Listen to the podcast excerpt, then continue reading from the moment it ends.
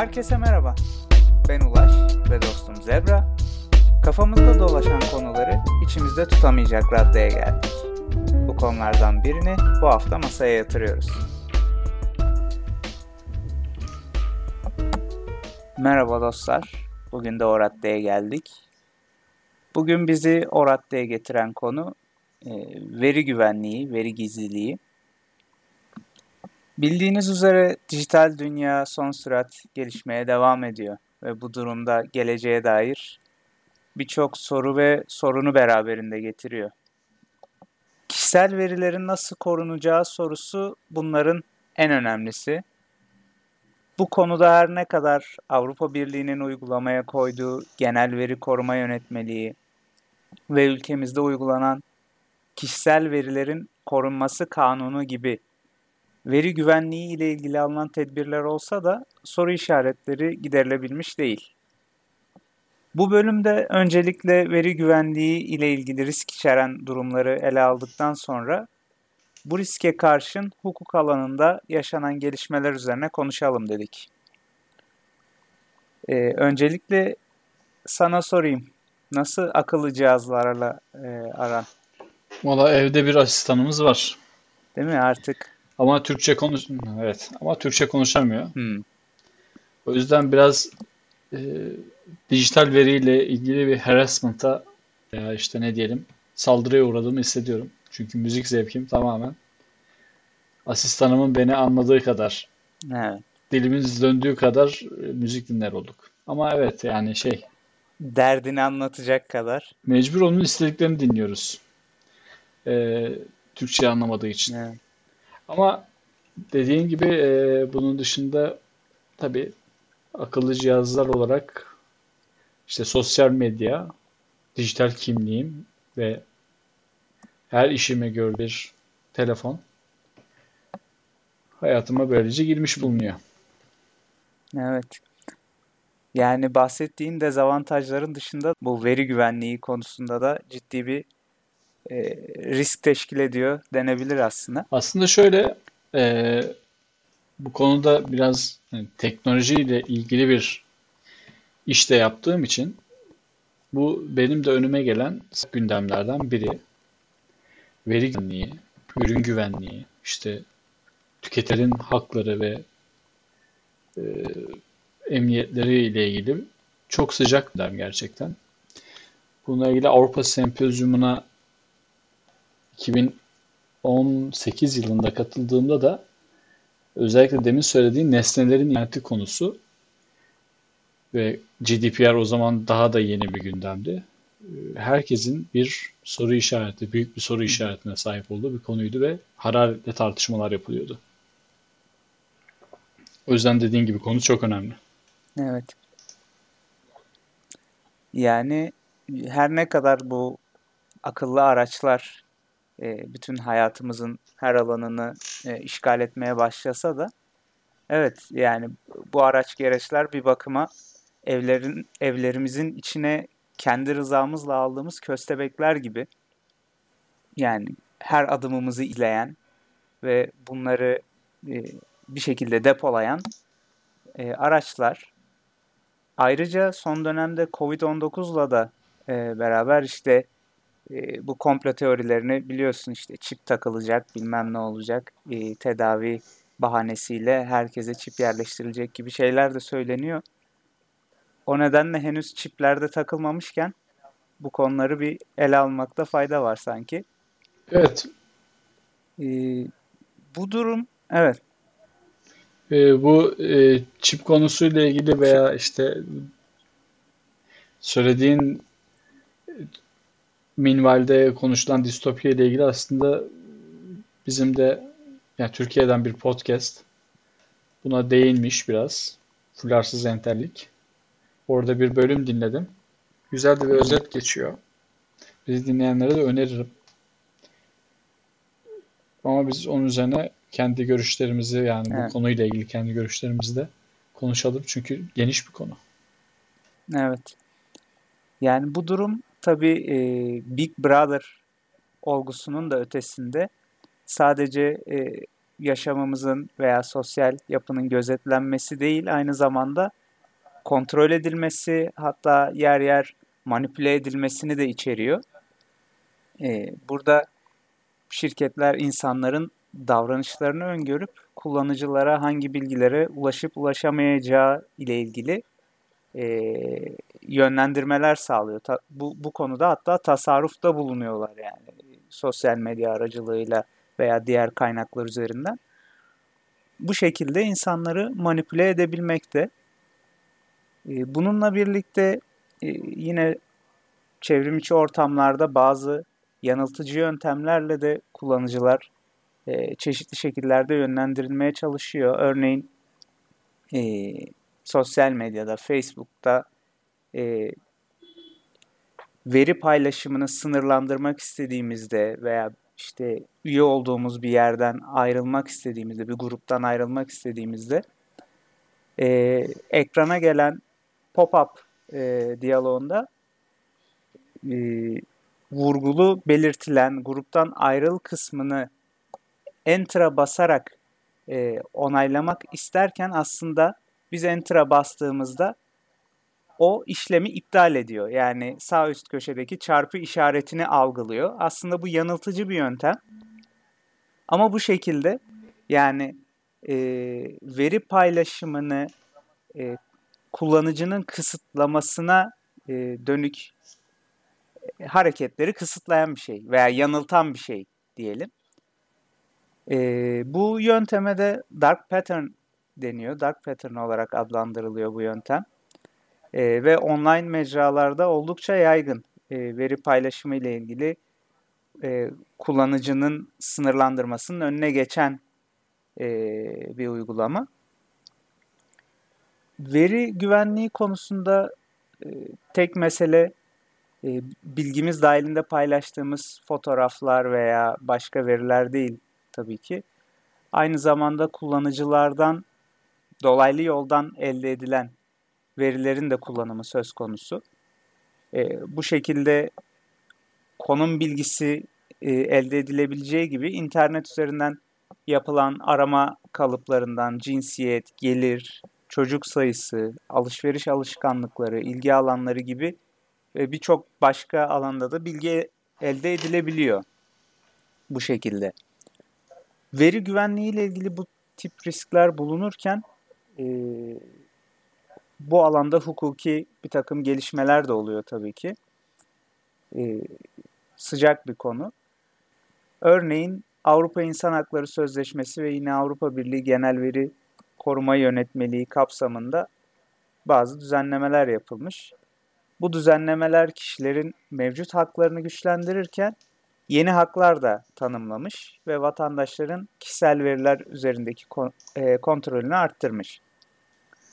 E, Avrupa Birliği Genel Veri Koruma Yönetmeliği kapsamında e, kişilerin kendi verilerine daha kolay erişimi, veri taşınabilirliği, kişilere kendisine ait verileri silebilme hakkının tanınması, kişisel verilerin çalınması durumunda kişinin bu durumdan haberdar edilmesi gibi e, maddeler bulunuyor. E, ve bunlar sıkı bir şekilde de e, Avrupa'da uygulanıyor. Bu konuda Türkiye'de de e, kişisel verileri koruma kanunu 2016'da yürürlüğe girdi. E, bu kanunla kişisel verileri ve bunların işlenmesi ve korunması tanımlanmış ve ayrıca e, işleme ve koruma kurallarına uyulmaması halinde e, ne gibi yaptırımların e, uygulanacağı da tespit edilmiş. Her ne kadar bu konuda Türkiye, Avrupa Birliği ve diğer bazı ülkelerde e, yürürlükte olan kanunlar olsa da bazı ülkelerde bu alanda ciddi bir açık bulunuyor. Ayrıca hızla gelişen teknoloji, veri güvenliği açısından da devamlı yeni riskleri e, getirebiliyor. E, ve bu da e, bu alandaki kaygıları sürdürüyor. E, son olarak COVID-19'la da COVID-19 salgını sürecinde bazı ülkelerde virüsün yayılımını önlemek için daha önce kullanılmamış bazı dijital yöntemler kullanılmış. Ve bu konuda e, olumlu sonuç e, alındığına dair haberler de var. E, ancak bu uygulama şeffaflığın olmadığı e, örneklerde veri veri güvenliği ile ilgili riskleri de beraberinde getiriyor. Teknolojinin etkisiyle gittikçe şeffaflaşan hayatlarımız veri güvenliği konusunda sürekli ele almamızı gerektiriyor. Elektronik cihazların akıllanmış olması bizi adeta bir Matrix'e hapsedip etrafımızı da ajan simitlerle e, sarmış durumda. E, böyle bir durumla e, nasıl başa çıkılacağı sorusu cevabı çok zor ama e, bu mevzu biri bizi gözetliyor seviyesini e, çoktan aştı. E, dolayısıyla öncelikle bunu fark etmemizin daha önemli olduğunu düşünüyorum. Evet yani e, teşekkürler gerçekten hem GDPR'dan bahsetmiş oldun. Bu taze e, önemli bir konu. Türkiye'de de KVKK kişisel verilerin korunması kanunu şu an e, IT veya işte benim bulunduğum teknoloji sektöründe de çokça atılan bir konu. Kişisel veriler çünkü her yerde dijital olarak e, tahmin ettiğimizden çok daha fazla iz bırakıyoruz. Ve aslında hani bunun bugün daha çok bir mevzu olmasının nedeni de belki bununla ilgili, dijitalle ilgili direncin de bir nevi kırılmış olan. Nedir bundan kastettiğim? Hani ben eskiden bir üst kuşağımın bilgisayara bir güvensiz olduğunu, bir bu dijital medyayla, dijital ortamlarla, dünyayla bir güvensiz ilişki kurduğunu çok net hatırlıyorum. Ama bugün işte e, hepimizin Facebook'tan belki biraz daha deplase olmamızın nedeni de oranın e, ayrı bir dünyadan ziyade realitenin ta kendisine dönüşmüş olması. Yani ailelerin, herkesin oraya girmesi gibi. E, dolayısıyla bu da e, gerçekten diğer dünyanın realin ikamesi olduğu bir günümüz şartlarına getiriyor bize. Burada biraz da makro düzeyde belki daha sansasyonel şeyleri düşündüğümüzde mesela Wikileaks, Panama belgeleri falan bunlar da hep veri güvenliğiyle bir nevi ilişkili konular. Beyaz korsanlık denebilecek ama işte sonunda e, kamunun menfaati falan çok tartışılabilir belki ama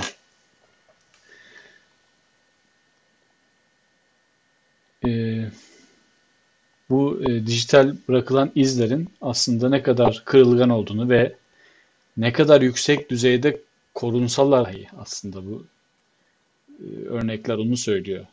Yani bu çok daha hassas, çok daha güvenlikli bilgilere dahi ne kadar kolay erişilebildiğini gördüğümüz, deneyimlediğimiz bir dünyadayız. Veya işte yakın tarihte hatırlayacağımız birçok ifşa vardır. Hani bu e, iCloud'un e, patlatılması, hadi bunun argo deyimiyle söyleyelim. Herkesin bir dönem işte orada sakladığı hatıralar, fotoğraflarını, belgelerini erişilebilir olup olmadığıyla dair derin bir endişe yaratmıştı. Hı hı. Ee, burada bir yandan da işte böyle bir güvensiz bir mecrada yakın zamanda böyle ne istediğini bilen bir teklif geldi. Onu yakaladıysam bilmiyorum. Twitter'a kimlik bilgisiyle kaydolma teklifi geldi. Bizim Türkiye'de böyle bir gereklilik olsun falan dendi. Yani bu da e, işte biraz daha e, henüz farkındalığın olmadığı e, gerçeğiyle buluşturuyor sanki bizi. Yani hassas veri nedir, kişisel veri nedir? Evet. Bunların çok daha yakın e, dönemde bizde daha kolay aktarılacağı, daha, bizce, bizlerce daha iyi kavranacağını düşünüyorum. Çünkü gerçekten kritik şeyler. Mesela bu dediğin konularla ilgili birkaç çarpıcı örnek var benim de e, araştırırken bulduğum. E, mesela bu aslında data science'ın da bir konusuydu. Mesela bu data science'ın bir popüler örneğidir. E, Target diye bir site yazılım daha doğru. Bir süpermarketin alışveriş ve müşteri verilerini kullanarak az önce söylediğim gibi hani bu aslında bir data bile değil diye düşünebileceğin kullanım tüketim alışkanlıklarını alarak bir e, süpermarketin burada müşterisi, müşterilerinden bir e, customer relationship, CRM management aslında yani müşteri odaklı bir reklam, iletişim yönetimi sağlıyor hizmet olarak. Ve bu aslında bir kazaya sebep oluyor. Yani şöyle bir kaza. Eve bir müşterisinin evine işte e, çocuk ürünleri işte çocuk derken de bebek ürünleriyle böyle reklam broşürleri falan gönderiyorlar. İşte hamilelikle ilgili kıyafetler, hamile kıyafetleri, işte takviyeler, işte o bakım e, ürünleri vesaire gibi broşürleri gönderiyorlar. Hatta burada e, bu broşürleri anda doğrudan bu arayan müşterinin kızına gönderin, gönderdiklerini söyleyeyim. E, babası da arıyor. Sizin kızıma niye böyle hamilelikle ilgili hani broşürler gönderiyorsunuz durup dururken bu kız zaten 18 yaşında bile değil hani neye özendiriyorsunuz diye kızıyor falan. Bu mevzu biraz daha işte önce market özür diliyor fakat sonra Target işte hizmet aldığı ajansla görüşünce anlaşılıyor ki aslında bu e, kızın alışveriş paternine bakıldığında bunun hamile insanla tükettiği ürünleri tükettiği, dolayısıyla buradan bir çıkarım yaptığını yazılımın anlıyorlar. Hatta e, öğreniyorlar ki kız gerçekten hamile ve bunu hmm. babasından önce marketteki işte o şeyi datayı kullanan yazılım keşfetmiş. Bu data science ile ilgili e, yani evet çarpıcı bir örnektir. E, Korkunç. Aslında bize ait olan şeyler e, önemsiz de görünse bir e, şey anlatıyor olabilir. Bize dair çok özel şeyleri de ipucu veriyor olabilir. O anlamda hangi veriyi saklayacağımız da gittikçe flulaşıyor da diyebilirim. Daha büyük bir e, daha ne diyeyim belki ürkütücü bir örnek daha vereyim burada. E, Almanya'da hükümet bir oyuncak bebekle e, uğraşmaya başlıyor. Yani şöyle uğraşmaya başlıyor. E, bu Karla Bebek adı verilen oyuncağın meziyeti bebeklerle konuşması. Yani kendisiyle oynayan küçük yaşta bir çocuk ona sorular soruyor. Karla Bebek bu soruları dinliyor. Sonra cevaplarını bebeğe söylüyor. Harika bir oyuncak yani. Çocuğunuzu başından kalkmayacak belki. Saatlerce oynayacağı bir şey. Oyun arkadaşı. Ama bunu yaparken aslında bu bebeğin işte sesi algıladığı, sonra bunu anlamlı cümlelere dönüştürdüğü ve internette bu cümleyle ilgili soru cümlesiyle ilgili araştırma yapıp o araştırmanın sonuçlarını da yine sesli olarak kullanıcıya döndüğü bir sistemde çalışıyor. Almanya bununla ilgili şöyle bir saptama yapıyor. Eğer bu datalar şirkete gidiyor, senin bütün evinden konuşulan 7-24 ne varsa hepsini bu karla bebek duyuyor. Evin bir bireyi ama sadakati aileye değil, şey, aile bağları olan bir bebek değil. kötüye kötüye kullanılırsa çok ciddi bir casusluk aracı da olabileceğini söyleyip ailelerden bu bebeğe sahip olanların işte im etmesini istiyor. Bu da yani bir oyuncak bebekten nereye geldi konu diye beni etkileyen bir haberdi mesela. Evet. Ee, bunun gibi çok örnek var. Hani e, mesela işte çok klişe bir söz bir servis ücretsizse aslında orada ürün sizsinizdir diye bir söz var. Hani bununla ilgili bir örnek de işte yine Amerika'da bir temizlik firması robot süpürgelerle işte bir temizlik servisi veriyor. Ve bunu da çok ciddi işte indirimler, kampanyalarla sunuyor müşterilerine. Hatta ücretsiz sunuyor. Hani denemeydi, şuydu buydu diye. Ama görülüyor ki aslında bu robot süpürgelerin bir meziyeti de hani oradaki temizlediği evlerin e, metrekaresini işte e, niteliklerini işte parke zemindir, taş zemindir, aydınlığıdır bilmem neydir bu tarz verileri toplayıp aslında bir emlak verisi yaratması ve orada e, şehrin gayrimenkul tarafında yani bir benzersiz veri havuzu oluşturması gibi bir meziyeti var.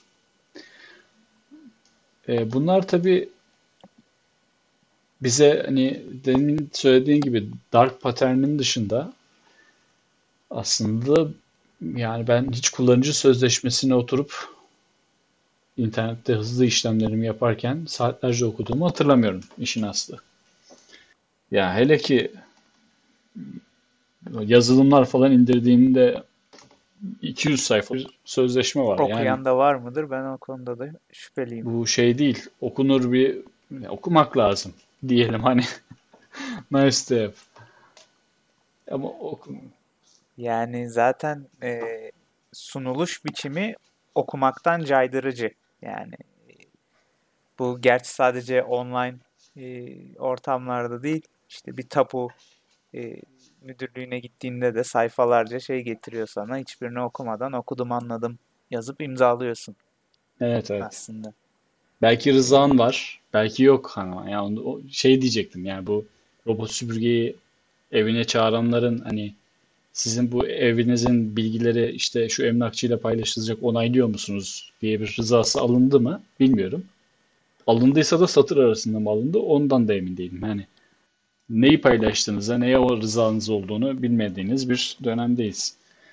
Ama dedik ya biz biraz da eee, olumsuzlukları söyleyip bırakmayalım tabii. Baş başa insan bu eee Armageddon'la.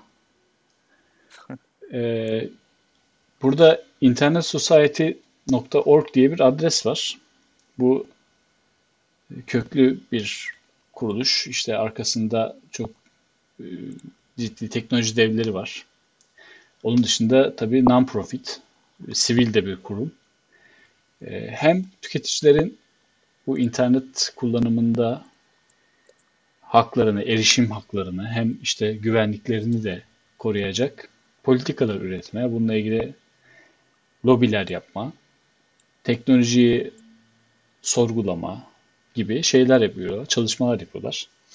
Burada siteyi kurcalarsanız e, siber güvenliğiniz için neler yapmanız gerektiğine dair güzel kılavuzlar var. Ayrıca tabii e, şeye de yönlendiriyor işte nesnelerin inter- interneti dedik. Bu konuda da Alliance of Internet of Things Innovation diye bir kuruş, kuruluş var. IoT Security Foundation var. Avrupa Birliği'nin yine network ve informasyon güvenliği ile ilgili bir e, çalışma grubu, organizasyonu var diyelim. Avrupa Birliği'nin doğrudan bu resmi bir kurum. Ve GSM Manufacturers Association diye bir e, grup var. E, bu GSM Association, e, Manufacturers Association biraz daha tabii üreticilerin oluşturduğu bir e, birlik ama e, bu problemleri nasıl müdahale edebiliriz? E, bütün taraflar bir şekilde tartışıyorlar. Bu GSMA dediğim, son söylediğim örgütün de aslında derdi biraz da kötü niyetli kişilerden nasıl koruruz noktası var. E, çünkü siber güvenlik konusu biraz da şey işte DDoS ataklarından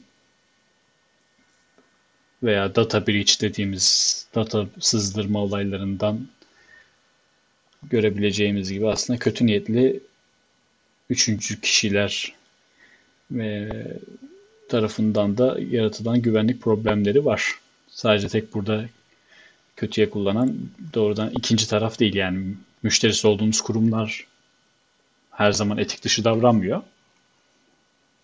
Bazen de gerçekten kötü adamlar var.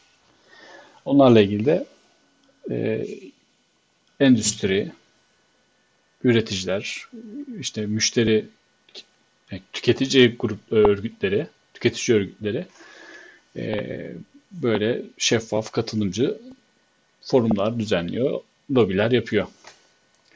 Onu da söylemiş olalım. Evet, burada ben de şöyle bir katkıda bulunayım. Ee, yine Privacy International e, Birleşik Krallık'ta Londra merkezli bir kuruluş. Kar, kar amacı gütmeyen bir kuruluş e, bu da. Devlet ve işletmelerce yapılan gizlilik ihlallerini izlemekle yükümlü. E, 50'yi aşkın ülkede de e, aktif. E, yine bu kuruluşun da internet sayfası privacyinternational.org'dan e, takip edilebilir. Harika. Yüreğimize su serptin. Buna ihtiyacı vardı bu ülke. Kesinlikle ya. Hani umarım e, herkes oradan bu kaynakların dışında da ulaştığınız yerler olursa e, bize yazarsanız biz duyuralım, paylaşalım. Bu konu önemli. E, önümüzdeki günlerde daha çok hissettirebilir. Kesinlikle. O zaman galiba tekrar e, şey demek lazım. Hani bu haftalık da bu kadar.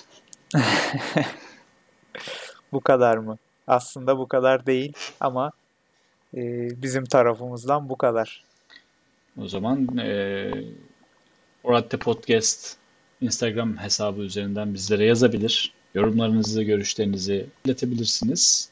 Bizleri e, Apple Podcast'tan, Spotify'dan hangi platformdan dinliyorsanız takip etmenizi öneririz. Böylece bütün e, güncellemelerden anında haberdar olabilirsiniz. Haftaya tekrar başka bir konuda o raddeye gelinceye dek görüşmek, görüşmek üzere. üzere.